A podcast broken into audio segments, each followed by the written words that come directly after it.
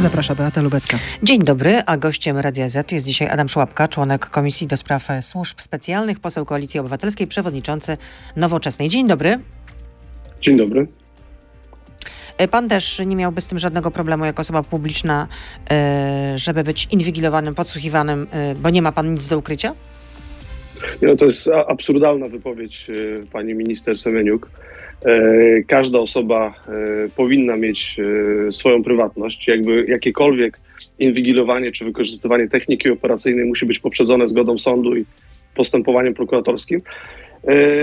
No i kropka. I tak jest w, w demokratycznym państwie. I no, kompletnie nie rozumiem tej wypowiedzi. To jest absurd. Ale według pani minister to jest temat zastępczy. Platforma Obywatelska bardzo często szuka tematu zastępczego. A poza tym Nie. informacje nie zostały jeszcze potwierdzone, jak mówiła wczoraj pani minister, e, będąc gościem Radia Z.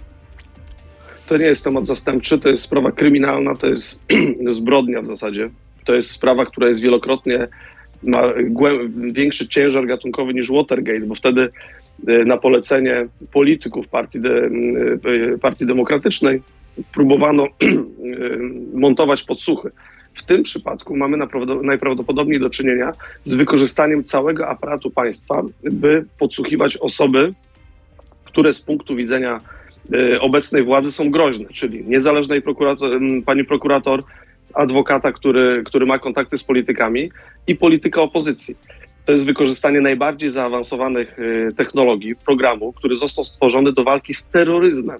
Czyli w zasadzie w czasach normalnych, pokojowych nie powinien być w ogóle uży, używany, bo to wykracza poza normalną technikę e, operacyjną. No to jest to nie jest temat zastępczy, to jest najpoważniejsza sprawa, która powinna być y, y, wyjaśniona i w demokratycznym państwie to się w ogóle nie powinno wydarzyć, Y, a jeżeli do czegoś takiego doszło, no to powinno dojść do tsunami, które zmiecie cały rząd.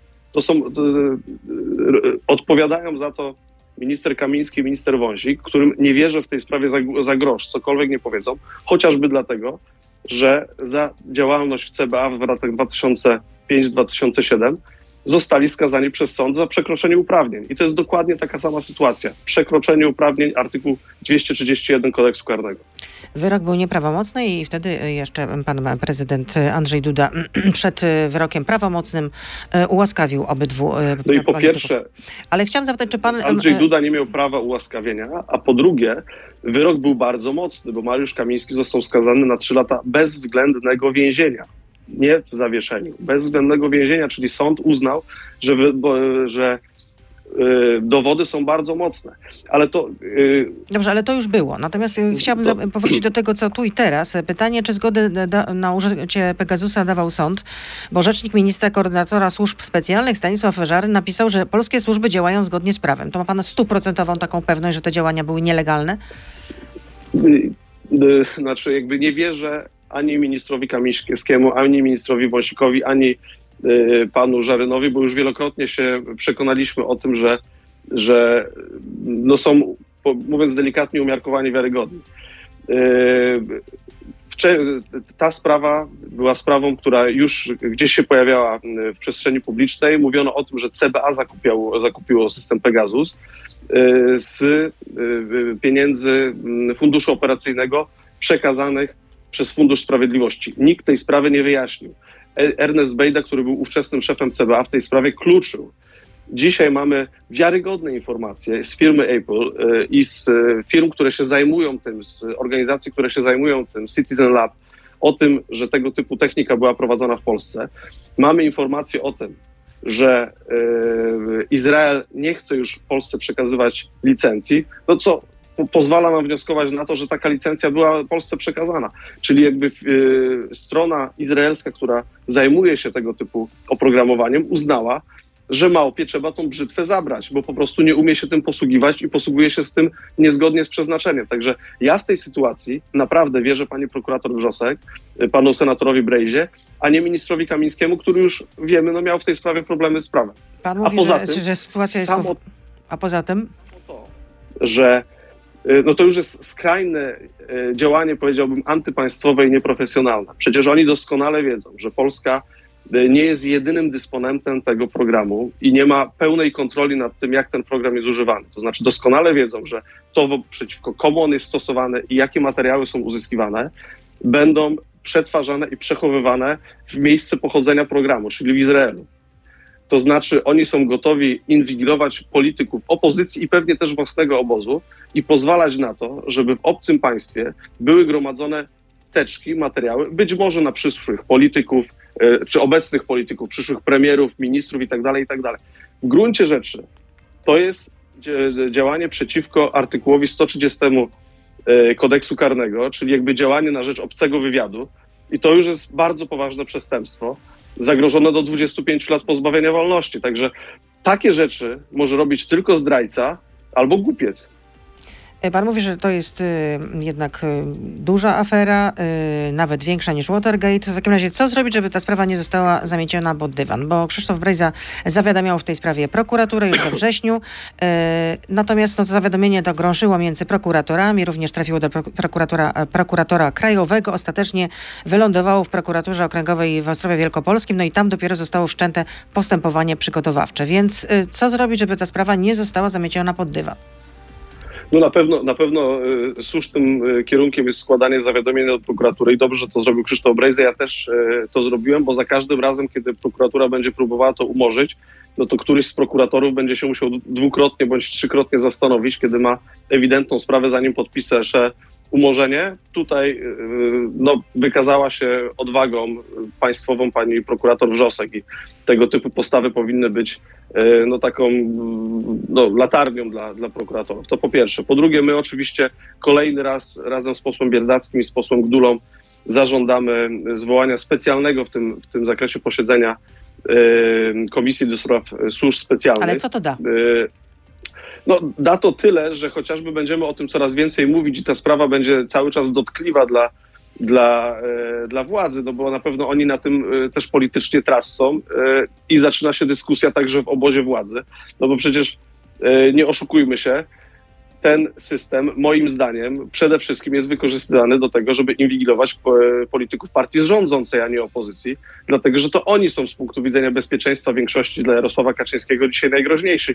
Bardzo łatwo to można uzasadnić, dlatego że yy, z punktu widzenia partii rządzącej Krzysztof Brejza który był szefem sztabu, ma bardzo wiele informacji takich węzłowych. O, o strategii miał y, w wyborach w 2019 roku. Kontaktował się z innymi politykami, co mogło być wyjście na tych innych polityków opozycji. Ale dzisiaj najważniejsze z punktu widzenia Jarosława Kaczyńskiego jest większość parlamentarna, a ta większość jest bardzo krucha. Wiemy, jakie mają metody politycy Prawa i Sprawiedliwości. Wiemy to z lat 2005-2007 i były w tych, takich sprawach wyroki. Jestem przekonany o tym, że i politycy Prawa i Sprawiedliwości też są podsłuchiwani, też wobec nich jest y, y, używany Pegasus, chociażby po to, żeby zbierać na nich teczki i haki. No to są poważne no, oskarżenia, które teraz pan stawia. Można porozmawiać, porozmawiać z byłym ministrem spraw wewnętrznych, panem panem Kaczmarkiem, który na pewno trochę powie chętnie o metodach, o metodach pracy y, Prawa i Sprawiedliwości z poprzednich lat. Z Andrzejem Leperem już nikt nie porozmawia, ale do jego wywiadów z nim można, można sięgnąć. Ale wydaje mi się, że można dobrze przesłuchać pana posła Arkadiusza Czartoryskiego, który wyszedł z oburzeniem z Prawa i Sprawiedliwości. Y, ale wrócił. Współtworzył, właśnie współtworzył koło, mówił o strasznych metodach, o wielkich, yy, wielkich nieprawidłowościach, które dzieją się w Prawie i Sprawiedliwości, a po dwóch czy trzech tygodniach skruszony, jakby taki spokorniały, spokojniejszy stanął na, na yy, konferencji z Jarosławem Kaczyńskim, to czym go przekonali? Żadnego stanowiska nie dostał jak poseł Kołakowski. No więc y, no to są rzeczy, Czyli które. pan sugeruje, że został, wszystkie... po prostu, y, że został po prostu zastraszony. No ale przecież y, pani, pani, pani redaktor, posłowie Prawa i Sprawiedliwości dokładnie wiedzą i czułem, jakich metod stosuje minister Kamiński, doskonale wiedzą, że, że cały aparat państwowy jest dzisiaj w bardzo wielu sytuacjach nielegalnie wykorzystany po to, żeby utrzymać Jarosława Kaczyńskiego przy władzy. I tutaj stawiamy pauzę. I tutaj stawiamy pauzę. Adam Szłapka z nami zostaje. Jesteśmy na Facebooku, na Radio ZPL, na YouTubie, więc proszę zostać z nami. Beata Lubecka, zapraszam. I jako się rzekło, Adam Szłapka, czyli członek Sejmowej Komisji do Spraw Służb Specjalnych jest z nami. A czy Koalicja Obywatelska y, chce uruchomić instytucje europejskie w tej sprawie, tak jak Parlament Europejski, OBWE? Znaczy, to jakby nie rozmawialiśmy na ten temat jeszcze, ale wydaje mi się, że, że przede wszystkim powinniśmy rozmawiać o tym, y, co możemy zrobić tutaj. Y, samo to, że ta sprawa wyciekła, y, mówiąc uczciwie, pokazuje nam to, że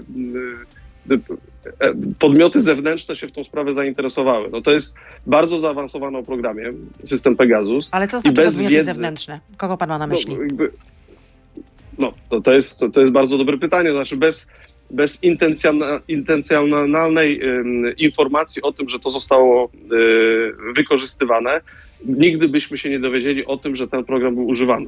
On jest tak zaawansowany, tak y, dobry technologicznie, że generalnie bardzo trudno się zorientować, że wobec kogokolwiek był ten program używany. To znaczy, że być może autorzy tego programu, dysponenci tego programu, bądź ich sojusznicy uznali, że warto byłoby, żeby taka informacja gdzieś się w Polsce pojawiła, bo to znaczy, że ktoś, No pojawiła się przede wszystkim w amerykańskiej niezgodnie- agencji Associated Press.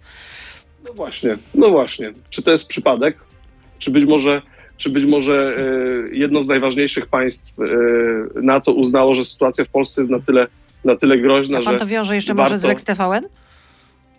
Nie, nie, absolutnie nie wiąże tego z Lex TVN. Wiąże to z sytuacją y, analogiczną z tą, że Izrael po prostu uznał, że takim państwom jak Azerbejdżan, y, Kazachstan czy Polska y, trzeba zabrać licencję na Pegasusa, bo są państwami, które wykorzystują to w sposób y, niedemokratyczny. Tak jak mówię. Ale co Izrael można jeszcze zrobić jeszcze? Bo pan powiedział, że trzeba tej- tej- tej skoncentrować się na tym, że trzeba się skoncentrować na tym, co tutaj można jeszcze zrobić. No to co jeszcze można zrobić tutaj? Uważam, Komisja że- śledcza że- może powstać, czy nie? Powinna powstać komisja śledcza. Ale czy to jest Jestem realne w tym parlamencie z taką pozytywnie. większością sejmową? Chociaż Paweł Kukiz y, na łamach prasy mówi, że jest skłonny poprzeć taką y, projekt powstania takiej komisji. No właśnie, no, y, ja jestem zaskoczony pozytywnie wypowiedzią w tej sprawie y, prezydenta Andrzeja Dudy, który, który powiedział, że być może takie powstanie takiej, takiej komisji śledczej to jest dobre rozwiązanie. No pamiętamy, że w czasach y, SLD, kiedy była komisja Rewina, no SLD miało przygniatającą większość, a zdecydowało się, licząc na to, że wyjaśni tą sprawę. Leszek. Miller żałuje, chyba tego do końca życia będzie żałował. Y, No, no tak, tylko że pytanie, czy, czy, mm, czy y, gdyby ta kom- komisja wtedy nie, y, nie powstała, to skutki dla SLD by nie były jeszcze gorsze. Brak wyjaśnienia tej sprawy ze strony polityków Prawa i Sprawiedliwości nie sprawia, że oni nie ponoszą konsekwen- nie poniosą konsekwencji w przyszłości za tą, za tą sprawę, tylko od, od, od, y, suwa to te konsekwencje w czasie i być może sprawi, że te konsekwencje będą po prostu bardziej dla nich brutalne, bo to, że oni staną przed i Trybunałem Stanu, te osoby, które powinny, i przed sądem powszechnym, y, to jestem o tym absolutnie przekonany. Czyli pan stawia tezę, że y, Mariusz Kamiński, y, Maciej Wąsik staną przed, przed sądem, tak? Tak, jestem o tym absolutnie przekonany w tej i w innych sprawach, bo, bo no, widzimy wyraźnie, że przekroczenie uprawnień to jest, to jest artykuł z kodeksu karnego, który jest nagminnie łamany przez polityków y, Prawa i Sprawiedliwości. To możemy mówić o Mateuszu Morawieckim, możemy mówić o Be- Beacie Szydło, możemy mówić o, o innych politykach pra- Prawa i Sprawiedliwości. Ja również w tych, w tych sprawach składałem zawiadomienia do prokuratury. Jedno z tych zawiadomień, y, moje zażalenie zostało y, niedawno uwzględnione i sprawa mimo umorzenia wróciła do prokuratury. Sprawa dotyczy Mateusza Morawieckiego, także liczę na to, że niebawem Mateusz Morawiecki przed prokuraturą stanie i nie będzie się zasłaniał immunitetem.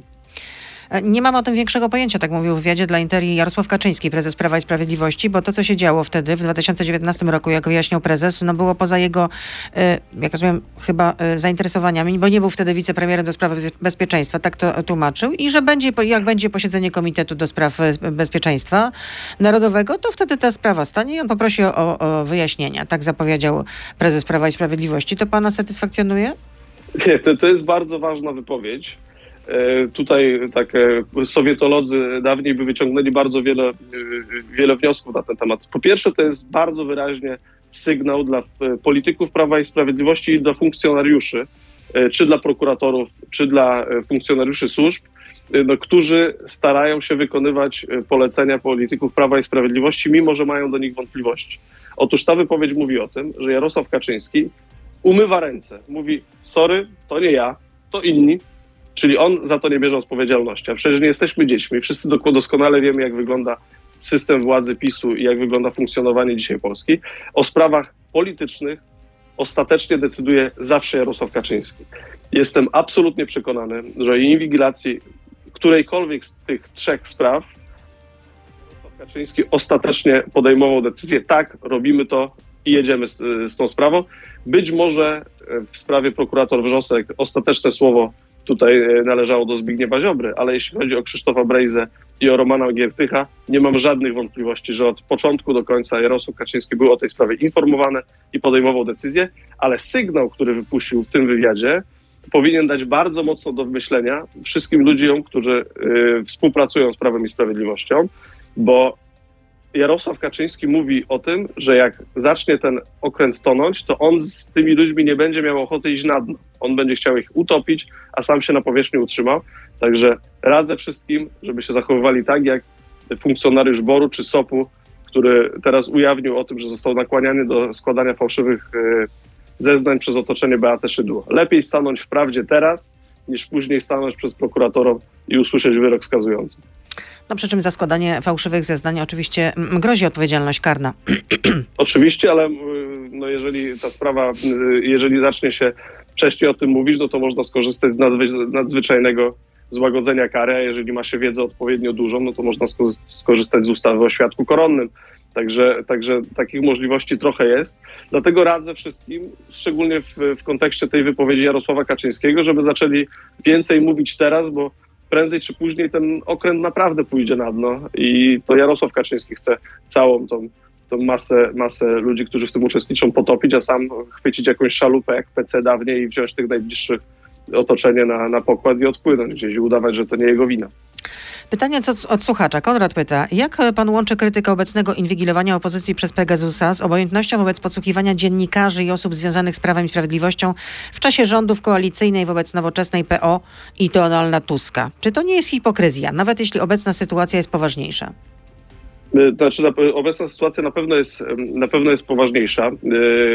Natomiast ja jakby, nie muszę być entuzjastą tamtych działań. Ale po pierwsze, wtedy było zupełnie inne otoczenie prawne. Wtedy e, zgodę na e, każdą inwigilację musiał wydać uprzednio sąd. Dzisiaj no, niestety po zmianach Dzisiaj po zmianach ustawy o policji, ustawy antyterrorystycznej, ustawy o prokuraturze mamy kontrolę następczą. To znaczy sąd po, kontroluje, powiedziałbym, raport, który dostaje od służb i sprawdza, czy, czy, wszystkie, czy wszystkie podsłuchy były zastosowane legalnie. To jest coś, na co się specjalnie nie zwraca uwagi, ale ta żaba przysłowiowa jest przez Prawo i Sprawiedliwość gotowana od bardzo dawna. Mamy skrajnie niedemokratyczną ustawę o prokuraturze, bardzo złą ustawę o policji i bardzo złą ustawę o zwalczaniu y, terroryzmu, która daje uprawnienia y, służbom, a szczególnie prokuraturze, które są bardzo groźne z punktu widzenia, y, z punktu widzenia społecznego. Przykład prosty bardzo. Dzisiaj, zgodnie z ustawą o prokuraturze, prokuratura może przekazać osobie trzeciej, na przykład dziennikarzowi, jeżeli uzna, że e, świadczy o tym dobro śledztwa, osobie trzeciej bez żadnego uzasadnienia. I tutaj mamy kazus Krzysztofa Brejzy. Jakieś dziwne zeznania polityczki e, z Solidarnej Polski ze sprawy dotyczącej Inowrocławia trafiły tuż przed wyborami do TVP Info. To był przypadek? Nie. Czy to było zgodne z prawem? Z obecnie no wtedy obowiązującym... też trafiły również do, do programów e, TVP SMS-y, informacje z komunikatorów e, Krzysztofa Brejzy. I to miało dowodzić, że Krzysztof Brejza miał być e, takim no, autorem akcji hejterskiej w no inowrocławskim magistracie, gdzie rządzi od wielu Krzysztof... lat jego ojciec, Ryszard Brejza. No i ta kampania miała być wymierzona, kampania w sieci przeciwko politycznym oponentom prezydenta Inowrocławia. Dokładnie tak a sprawa dotyczyła tego, że o korupcję zostali y, jacyś urzędnicy oskarżeni, w tym y, politycy Solidarnej Polski, którzy gdzieś tam w tym urzędzie pracowali i któreś z tych osób po prostu zeznała rzeczy, które się okazały, okazują nieprawdą na Krzysztofa Brejzy. On w tej sprawie nie był ani razu podsłuchiwany, ale to zeznanie prokuratura na podstawie tych kompletnie antydemokratycznych ustaw mogła przekazać TVP y, i pracownikom TVP, którzy tuż przed wyborami grali tym. E, także e, mamy zupełnie inne otoczenie prawne. E, no poza tym wtedy, wtedy mieliśmy sytuację taką, że tam dotyczące Mariusza Kamińskiego czy ministra Wąsika toczyły się normalnie postępowania prokuratorskie i oni, jeżeli wobec nich była prowadzona jakakolwiek technika operacyjna, to, to te osoby były podsłuchiwane. Nie usprawiedliwiam tego. To jest kwestia też decyzji sądu. Dzisiaj mamy do czynienia z czymś zupełnie innym. Wykorzystywania najbardziej zaawansowanych technik operacyjnych, które tworzone są po to, żeby zwalczać terrorystów przeciwko prokuratorom, adwokatom i politykom. Taka sytuacja nie ma precedensu w żadnym demokratycznym państwie. No nawet Watergate jest w tej sprawie zupełnie nieporównywalnym y, ciężarem gatunkowym. Adam Szłapka jest naszym gościem, e, poseł Koalicji Obywatelskiej i e, także przewodniczący Nowoczesnej. Prezydent Duda zawetował ustawę medialną, tak zwaną Lex TVN. Czy jest pan zaskoczony taką decyzją pana prezydenta? Y, Spodziewałem się, y, szczerze mówiąc, y, że przekaże tą ustawę do Trybunału Julii Przyłębskiej i tam będzie można czekać, jak ta ustawa będzie nad TVN-em wisieć jak taki miecz Damoklesa, żeby raczej straszyć i terroryzować TVN. Jestem pozytywnie zaskoczony. y, Cieszę się, że tak się stało, bo to byłoby z punktu widzenia w ogóle systemu demokratycznego w Polsce bardzo niebezpieczne, ale także z punktu widzenia bezpieczeństwa Polski, bo jednak niszczylibyśmy e, relacje gospodarcze z największym partnerem w NATO, ale także no, wpłynęłoby też to na nasze relacje dwustronne. No, Ale co się Jednak, stało, że pan prezydent podjął taką decyzję? Czy pana zdaniem, nie wiem, no ugiął się jednak pod presją Amerykanów? Myślę, że tak. Myślę, że zadziałał tutaj też taki, powiedziałbym, czynnik y, y, samozachowawczy i u pana prezydenta, i u, i u y, części Prawa i Sprawiedliwości, bo pewnie część Prawa i Sprawiedliwości też uważała, że należy tą ustawę za, zawetować. No ale y, tak, no i, raz na kadencję wybicie się na jakąś tam akt odwagi nie jest jeszcze dowodem bohaterstwa. Dobrze się stało, natomiast no jakby tak czy inaczej prezydent Andrzej Duda uczestniczy w rozmontowywaniu demokracji w Polsce. Tutaj można y, bić brawo, dobrze że się stało, ale mm, no, bez przesady. No on odnosi, że wpływowy poseł PiSu z Małopolski twierdzi, że prezydent dlatego zdecydował się na zawetowanie tej ustawy, bo w zamian otrzymał obietnicę od rządu amerykańskiego dotyczącą jego politycznej y, przyszłości po zakończeniu prezydentury, czyli w domyśle jakieś stanowisko y, na arenie międzynarodowej. No, były na ten temat spekulacje. Powiem szczerze, no, jeżeli chodzi o Andrzeja Dudę, no to jego ewentualne stanowisko wpływowe na arenie międzynarodowej mogło być tylko y, elementem jakiegoś tego typu handlu, no bo przecież nie jego umiejętności ani doświadczenia. Także no, jeżeli tak, to, to, to poseł Mularczyk czy poseł Terlecki y, słusznie to, to komentują. No bo kto może być jeszcze takie rzeczy mówić z posłów małopolskich? Przecież Czyli nie poseł Dawid. Mularczyk, tak? Teraz zapytam pana jako przewodniczącego Nowoczesnej. Ilu macie członków? Czy w ogóle jeszcze Nowoczesna mm, funkcjonuje jako normalna partia? Funkcjonuje. Y, Jesteśmy w trakcie przeprowadzania konwencji wyborczych y, regionalnych. Mamy około 1200 członków, no, czyli trochę mniej No to mizeria. No bez przesady, no myślę, że, No że mamy 1200 osób? Tych, tych, tych, Warto tych to w ogóle jeszcze utrzymywać, nie należałoby po prostu wywiesić, po prostu sztandar wyprowadzić. więcej- Tylko, te, trochę mniej niż y, polityków Solidarnej Polski jest w radach nadzorczych i w różnych miejscach y, powrzucanych. Natomiast oni wszystkich członków mają gdzieś umiejscowionych, a my mamy wszystkich członków, którzy są ideowymi. A chce pan powiedzieć, że gdybyście byli u władzy jako członek Koalicji Obywatelskiej, to żaden z waszych członków nie byłby, nie zasiadałby w żadnej radzie My- my nadzorczej, nie- tak? Spółki My nie Skarbu Państwa.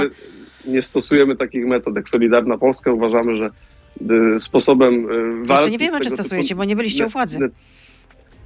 Stosowanie walki y, z takiego typu praktykami y, nepotyzmu raczej jest y, prywatyzowanie kolejnych, kolejnych spółek niż zwiększanie etatyzmu po to, żeby się by mogli, mogli politycy na przykład Solidarnej Polski pouczestniczyć. Ale myślę, że no, z, partii parlamentarnych czy w ogóle z partii funkcjonujących w Polsce, no to y, liczba 1200 członków, która nie jest być może jakoś bardzo duża, ale jest jedną z większych. No proszę wymienić y, 20 partii, które są większe w Polsce, albo teraz 10. Mam, teraz mam wymienić, na, no, na, Nie, na, no, na, w sensie pewno jakby większa jest Platforma. Obywatelska, na pewno większa jest Prawo i Sprawiedliwość. No, nie no, ja pytam po prostu, czy jest sens jeszcze jest większa. utrzymywanie tego bytu, który de facto został wchłonięty przez Platformę Obywatelską? My tworzymy od trzech lat y, y, koalicję obywatelską y, wspólnie z Platformą. Nawet nie jesteście uwzględniani Na- w sondażach, czyli po prostu nie jesteście w ogóle postrzegani jako oddzielny byt. Cała, cała koalicja jest uwzględniana w sondażach, więc jakby jest tak, że No, no, y, liczona no jest tak, ale jeśli koalicja chodzi o Zjednoczoną. Prawicę, no to w, w sondażach uwzględniano jednak, czy to Solidarną Polskę, o której pan wspominał, no czy też porozumienie tutaj- Jarosława Gowina. W tym, w tym zakresie nie ma żadnej różnicy. Znaczy jest, y, w sondażach liczone jest albo PiS, czasem jest liczona Zjednoczona Prawica, a za każdym razem jest liczona Koalicja Obywatelska, czyli Platforma Obywatelska, Nowoczesna, Inicjatywa Polska i Zieloni. Wszystkie te partie funkcjonują w ramach Koalicji Obywatelskiej y, i jakby pozostałe partie nie są pytane o to, czy, czy jest sens funkcjonowania w koalicji obywatelskiej. Taki jest system Donta. Z punktu widzenia, z punktu widzenia obecnego systemu yy, partyjnego, ja pytam dlatego, że swego czasu Nowoczesna miała jest. wielkie ambicje i jej twórca, czyli Ryszard Petru, nawet y, mierzył się z taką oto perspektywą, że mógłby zostać e, premierem. No sam, właściwie sam siebie pasował na premiera. No a wyszło jak wyszło. I Stefan pyta, czy Nowoczesna stała się na trwałe wasalem Platformy Obywatelskiej? Nowoczesna jest y, y, członkiem koalicji obywatelskiej. Tu nie ma mowy o, o, o byciu wasalem kogokolwiek. Oczywiście jesteśmy mniejszym, zdecydowanie mniejszym partnerem niż y, Platforma Obywatelska, ale y, samo powstanie koalicji obywatelskiej było dużą wartością, szczególnie w wyborach w 2018 roku. Proszę przypomnieć sobie, jakie były sondaże wtedy, a ile udało się y, W 2018 wygrać roku? A mówimy o 2018 wyborach roku. samorządowych. Mówimy o wyborach samorządowych. I to ile w Koalicji Obywatelskiej wygrała miasta Poznań, Wrocław, Łódź, y, Warszawa, Gdańsk i tak dalej, i tak dalej. To naprawdę była bardzo duża wartość. Gdybyśmy wtedy nie wystartowali wspólnie y, w wyborach, to pewnie część y, tych rad miejskich, czy prezydentów, czy jeszcze więcej sejmików zyskałby Prawo i Sprawiedliwość. No, tak jest, że czasem, jak mówił Max Weber, jest y, etyka odpowiedzialności, etyka przekonań. Oczywiście mogliśmy za wszelką cenę, za każdym razem startować samodzielnie w, y, przeciwko całej machinie Prawa i Sprawiedliwości w wyborach, uzyskiwać Chyba 2, byście 3, nie dali 4, rady, no bo jeszcze, 5% jeszcze finanse I- trzeba mieć i- odpowiednie. i, i, przegrywać, i przegrywać te wybory, albo etyką odpowiedzialności zbudować silniejszy front, który będzie miał szansę wygrywać wybory. Ja nie jestem zwolennikiem metody obliczania głosów metodą Nonta, ale ona funkcjonuje. I z naszego punktu widzenia, z punktu widzenia opozycji, w sytuacji takiej, kiedy mamy do czynienia z nieuczciwą konkurencją, z nieuczciwą walką, ja jestem gorącym zwolennikiem tego, żeby budować szersze sojusze. Ja zresztą o tym pisałem już, zanim powstała Koalicja Obywatelska w, 2000, w marcu 2018 roku, kiedy mówiłem, że musi powstać jak najsilniejszy blok, żeby wygrać z PiSem. Wtedy nawet część polityków e, nowoczesnej mówiła, że to jest niedobre z punktu widzenia nowoczesnej, no bo przecież musimy samodzielnie zawsze startować. Nie, my w 2023 roku musimy zbudować jak największy blok. Tego chcą wyborcy i tego, o tym mówi nasza racja stanu, dlatego ja Czyli pan jest zwolennikiem jednego bloku wyborczego, no ale jednak patrząc na to, co się dzieje po stronie opozycji, uda? raczej jest to mało prawdopodobne. W dodatku jeszcze jest Tak, y, no czy- wojenka między, tak można powiedzieć, między y, y, Donaldem Tuskiem a, a, a, lewicą. No nie mam e, takiego poczucia, że jest wojenka. Ja No. e, mówię, że jestem zwolennikiem jak najszerszego bloku wyborczego. Zdaję sobie sprawę z tego, że to będzie bardzo trudne do przeprowadzenia. E, Natomiast im szerszy będzie ten blok, tym lepiej. Pierwszy taki blok musi być w wyborach przed Prawem i Sprawiedliwością. Bo no dzisiaj sondaże są takie, że Prawo i Sprawiedliwość jest na pierwszym miejscu, a ugrupowania opozycyjne sumarycznie mają większe poparcie i pewnie będą miały więcej mandatów niż Prawo i Sprawiedliwość w wyborach. Dont daje bardzo dużą premię za, za Tak, zwycięstwo. tak, tak. bardzo I to widzieliśmy również w ostatnich, to również widzieliśmy w ostatnich wyborach e, parlamentarnych w 2019 e, roku. Czarno na białym. E, Słuchacze też pytają, Tak czy spłaciliście już długi. Spłacamy na bieżąco. Nie jest to oczywiście trudne. Mamy to y, nasze zadłużenie zrolowane na, na, na, na, na bardzo wiele rat i na bieżąco spłacamy. To ile jest jeszcze pozostało jeszcze do spłaty? No, największym naszym zobowiązaniem jest y, kredyt w banku PKO. To jest około 1000 miliona 200 200 tysięcy jeszcze do spłaty, czyli sporo, no ale, ale staramy się na bieżąco z ratami nie zalegać y, nigdy, także spłacamy. No, ale to spłacają, rozumiem, e, członkowie nowoczesnej, tak? Wy się no to Tak. zrzucacie po prostu, tak? Zrzu- zrzucamy się na to, namawiamy naszych sympatyków, żeby się tam dorzucali i jakoś, jakoś to na razie idzie. A na ile macie rozłożone to, y, że ta spłata nastąpi w jakim y, czasie? Powinna nastąpić w jakim czasie? E, musiałbym, musiałbym zapytać e, skarbnika. Wydaje mi się, że na najbliższe e, 5 czy 7 lat to jest, to jest rozłożone, ale to jest i tak promil porównaniu z tym, co zostało umorzone w e, porozumieniu centrum. Także my tutaj nie jesteśmy, nie jesteśmy e, najbardziej na straconej pozycji. Kolejne pytanie od słuchacza. Często pisze pan na swoim Twitterze, że Mateusz Morawiecki jest kłamcą. Czy więc napisze pan również, że sam jest pan kłamcą? Obarczał pan winą za śmierć Izabeli z Pszczyny wyrok Trybunału Konstytucyjnego, podczas gdy w rzeczywistości był to błąd lekarski, co potwierdziła również pełnomocniczka rodziny. Jak pan się do tego odniesie? Yy, Nie mam żadnych wątpliwości co do tego, że zmiana prawa przez Trybunał yy, Konstytucyjny Julii Przyłębskiej doprowadziła do tego, że lekarze yy, bardzo się boją podejmowania yy, działań, także tych działań, które y, mogą doprowadzić do uratowania życia. I moim zdaniem sprawa, dramatyczna sprawa pani Izabely z Pszczyny właśnie jest tego skutkiem.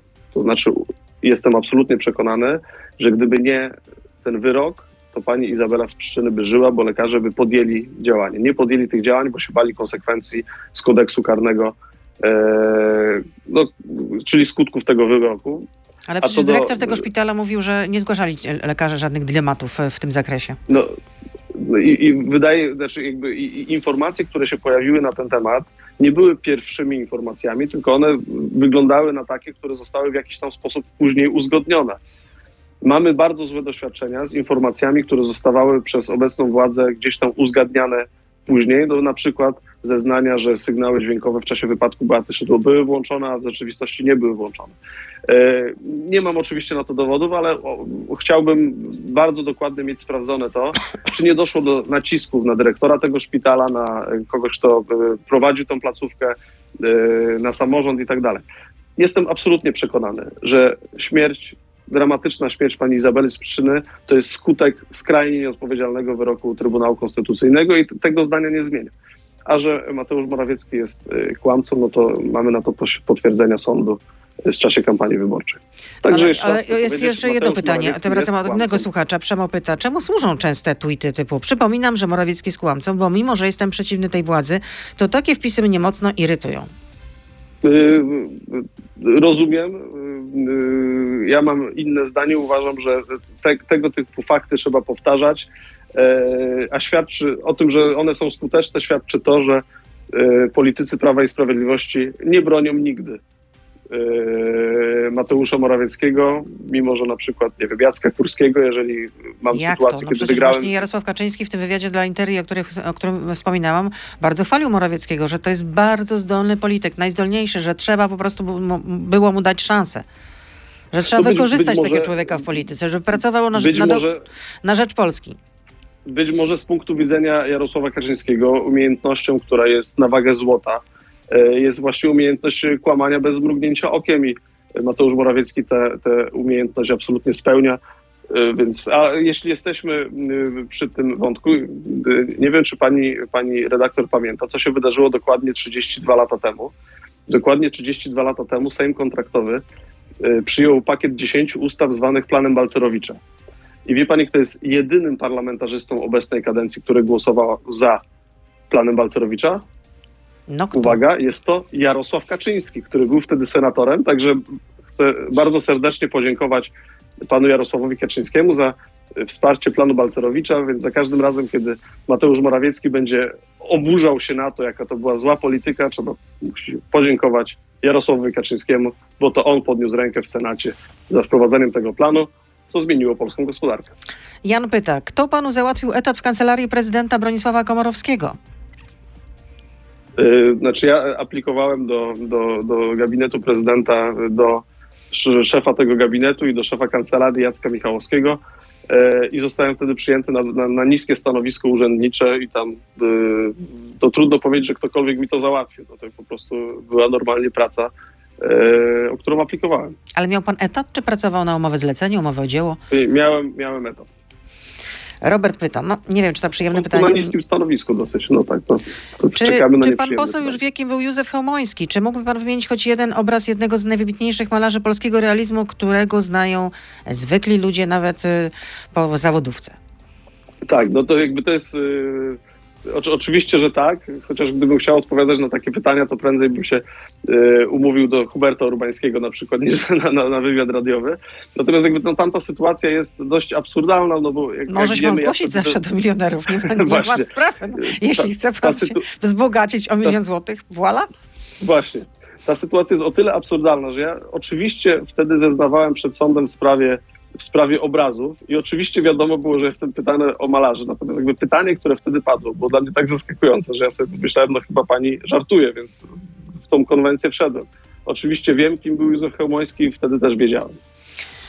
Ale, ich, ale tytułów obrazów pan nie wymieni. Jarosław Bociany pyta. na przykład. Przepraszam jeszcze raz? Bociany na przykład, Babie Lato na przykład. No jakby to jest sporo tych obrazów. Jarosław pyta, czy dopóty, dopóki telewizja publiczna y, jest w rękach Jacka Kurskiego, czy opozycja ma szansę na wygraną w wyborach?